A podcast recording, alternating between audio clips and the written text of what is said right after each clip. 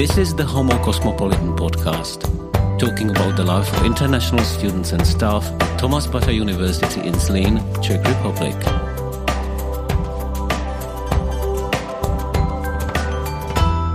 Our today's guest is Antonín or Tony Vychodil, an American bachelor student of intelligent systems with robots at the Faculty of Informatics. Hi, Tony. Hello. So, Antonín, we talked a little bit before we started this conversation about the pronunciation of your name. So, in the US, people would call you. Antonio Vychodil. Okay, that's quite funny. Do you have any more names, by the way? I have a middle name, Villa Flores. Villa Flores, Yeah. okay, which is after My Filipino side, my mother's side. your Filipino side. Yeah. Okay.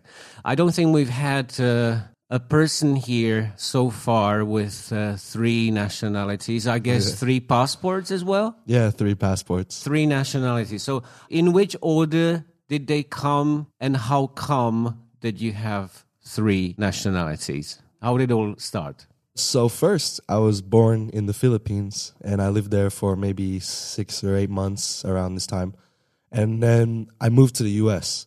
So I got my Philippine passport and citizenship. Then I came to the U.S. and I lived there for 18 years. I got my U.S. citizen, and when I was around 16 or 17, we were traveling around the embassies in Canada and the Czech embassies in Canada and Los Angeles, and we were able to get a Czech citizenship as well. I'd like to go back to the first six months in the Philippines. You probably don't remember too much Yeah, of yeah, that. yeah. Okay. So your mother is Filipino. Mm-hmm. Do you speak Spanish? No, No, you never spoke Spanish with her. Always English. only English. That's the only language. Not even Czech. Uh, I can understand kind of okay, but I'm very bad at reciprocating or saying it. You know, Okay. So how did your mother meet your father in the Philippines? What kind of story is that?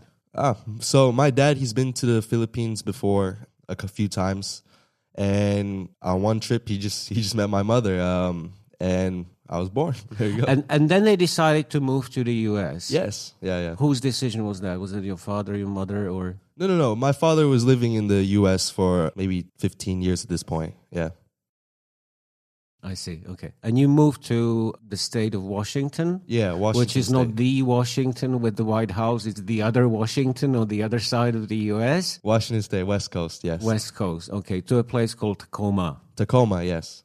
And in Tacoma, you went to school. I looked at the name of the school. I looked at the school and I found out it's a famous school. Why is it so famous? It used to be a hotel, and then at one point they renovated to a school. Woodrow Wilson, an older president, he did like a speech there. You know, thousands of people, and also they shot a movie there, Ten Things I Hate About You, and it's actually a really beautiful school if you've seen it. So it's over a hundred years old or Yeah. more than that. And it- it's an architectural landmark. Mm, yeah, yeah. I guess. I also looked at the list of famous alumni from that school. Do you know any of the famous alumni from the school you studied at, the Stadium High School? I don't. You don't. Okay, I'll tell you too. Sugar Ray Charles Seales. Oh. He was a middleweight boxing Olympic winner in 1972 at the Olympics. And then there's another name which struck my fancy. uh, That was Josh Keys, and he's a painter. And otherwise, there was just a lot of politicians, a lot of politicians who studied there.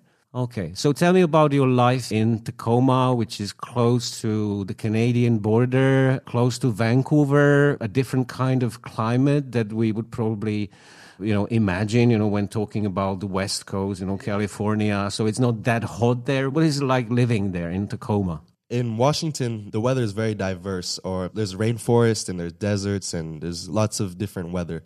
But in Tacoma and Seattle, this region just rains a lot of rain. It rains more than half the year, and compared to here, it like it's amazing the weather here. I really like it. It would rain for months just straight, but very little rain.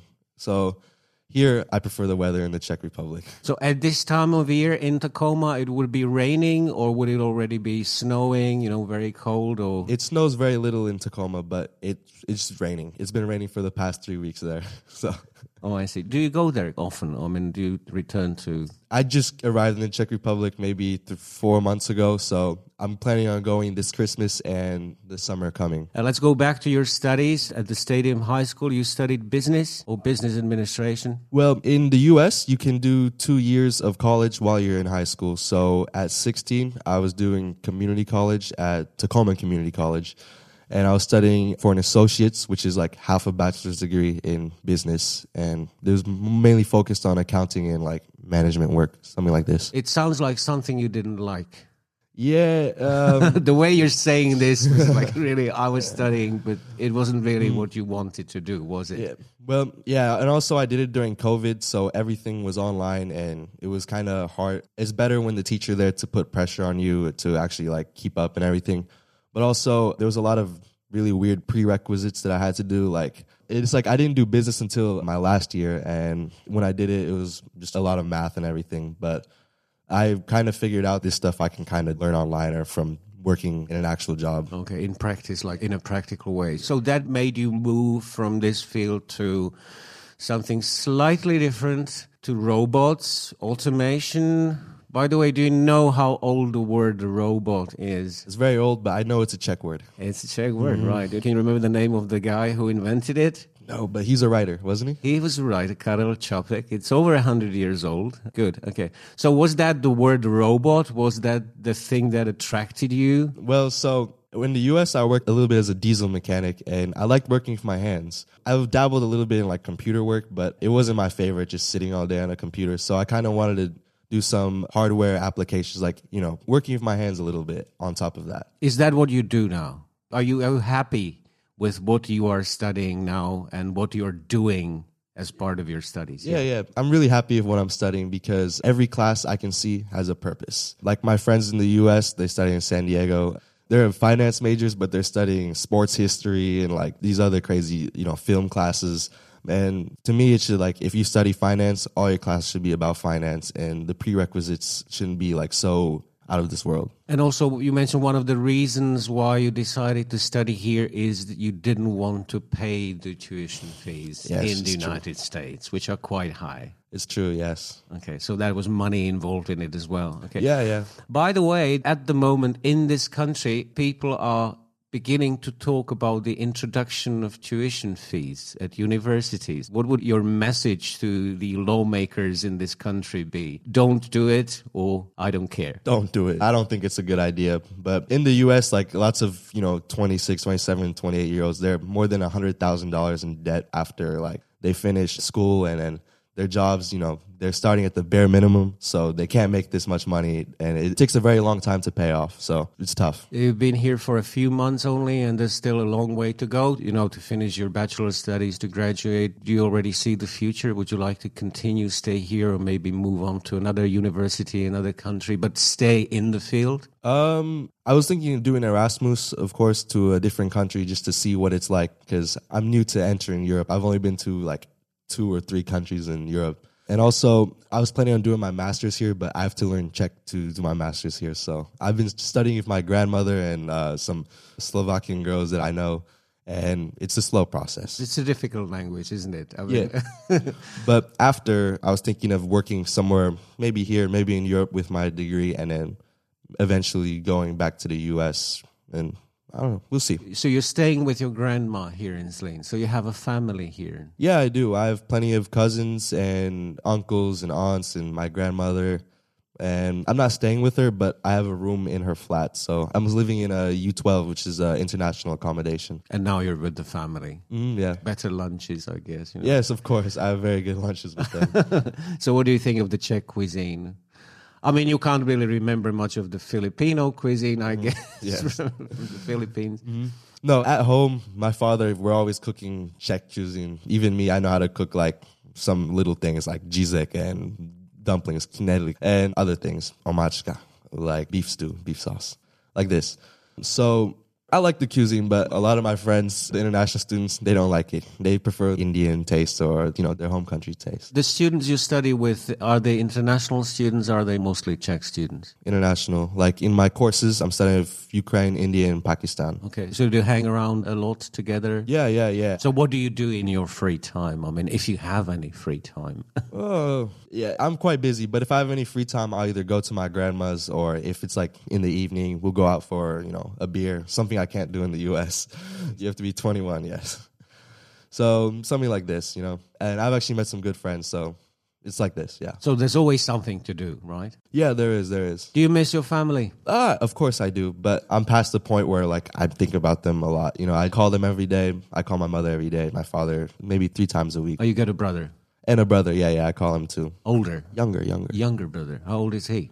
He's 17. Studying? He's studying in the same school I'm studying at. He's also doing Running Start at Tacoma Community College, but I think he is going to apply to TBU next year. Oh, really? Yeah, yeah, yeah. The same field or something different? Maybe or maybe software engineering because he's more of a computer guy. Okay, so he's the one sitting at the computer, and you'll prefer working with your hands. Yeah, yeah, Uh, yeah, you yeah. mentioned that already. That you work in a workshop, that you were repairing trucks. Yeah, yeah, and yeah. stuff. Okay, so that's something you like to do, working with your hands. Yeah, yeah. This could be described as coming back to your roots.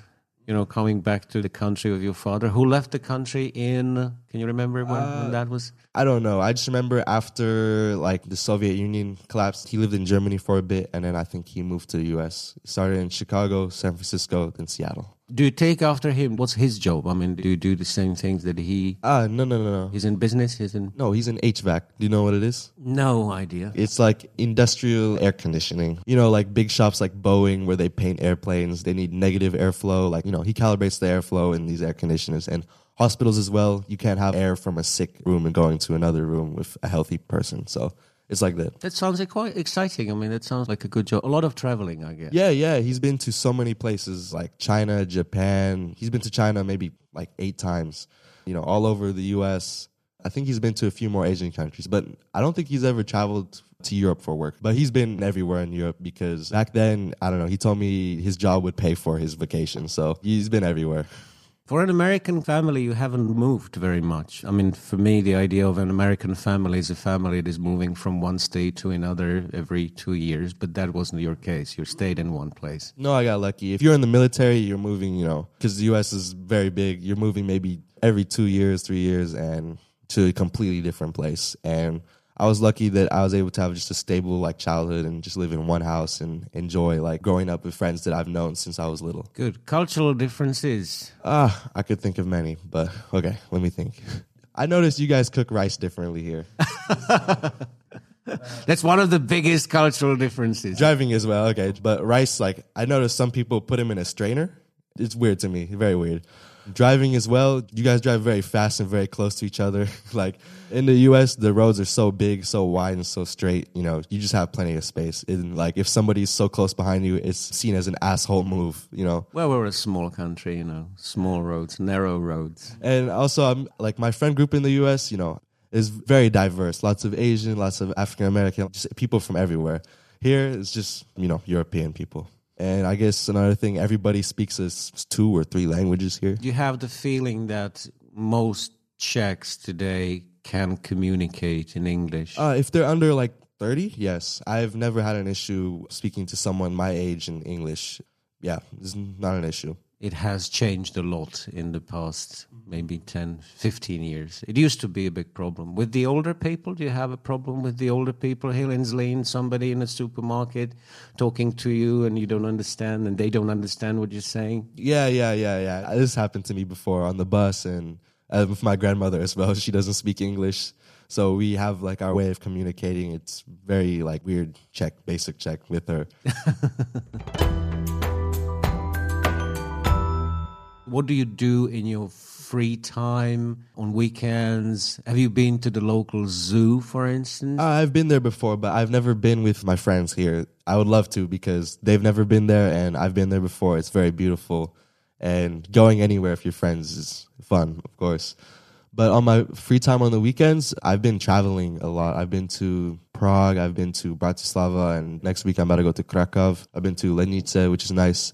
So there's lots of travel here, and I got my ISIC card, and it's amazing. You know, the travel is very cheap for a student. You know, it can be hard to get around in the U.S., but here it's very easy to get around. Do you do any sports? In the U.S., yes. Here, I just go to the gym. In the U.S., I did track and field. I also did the gym. I played football, and I did wrestling for a bit. But Wrestling. I wish I did it more. I was actually an okay, okay at it. What do you listen to? It depends. I prefer pop music, country music, some U.S. hip hop. There's lots of styles of music. Depends on what I'm feeling, right? Okay, let's go uh, back to your studies a little bit. Can you tell me what it is that you do exactly, like in more detail? You know, robots, very fascinating, but I can't really imagine what it is that you do. Uh, so we even have a class called robotics. I have many classes, so they're mix of like kind of engineering classes. So we're designing things, drawing things, and I'm taking mathematics as well, calculus, and we're learning about matrices and you know calculus. And I'm also doing hardware and operating systems, learning about how computers work. And in the robotics class, right now we're working with like Legos, just programming the Mindstorm robots to do tasks and things. But in the class, they're like real robots that we're going to be working on in the next years. Yeah. Do you think there's a good balance between the theoretical and the practical that you do? Yeah, yeah, I do a lot of practical things. And to me, it's great doing things like in practically and with your hands and everything. It's very good. One final set of questions Coke or beer? Ah, beer. Řízek or hamburger? Oh, hamburger. Hands or robots? Uh, ooh, it's a good one. Well, robots. I'm kind of lazy. That's basically it, Tony. Thank you very much for coming. Our today's guest in the Homo Cosmopolitan podcast was Antonin Tony Vychodil. Thank you. Bye bye. Thank you for having me over.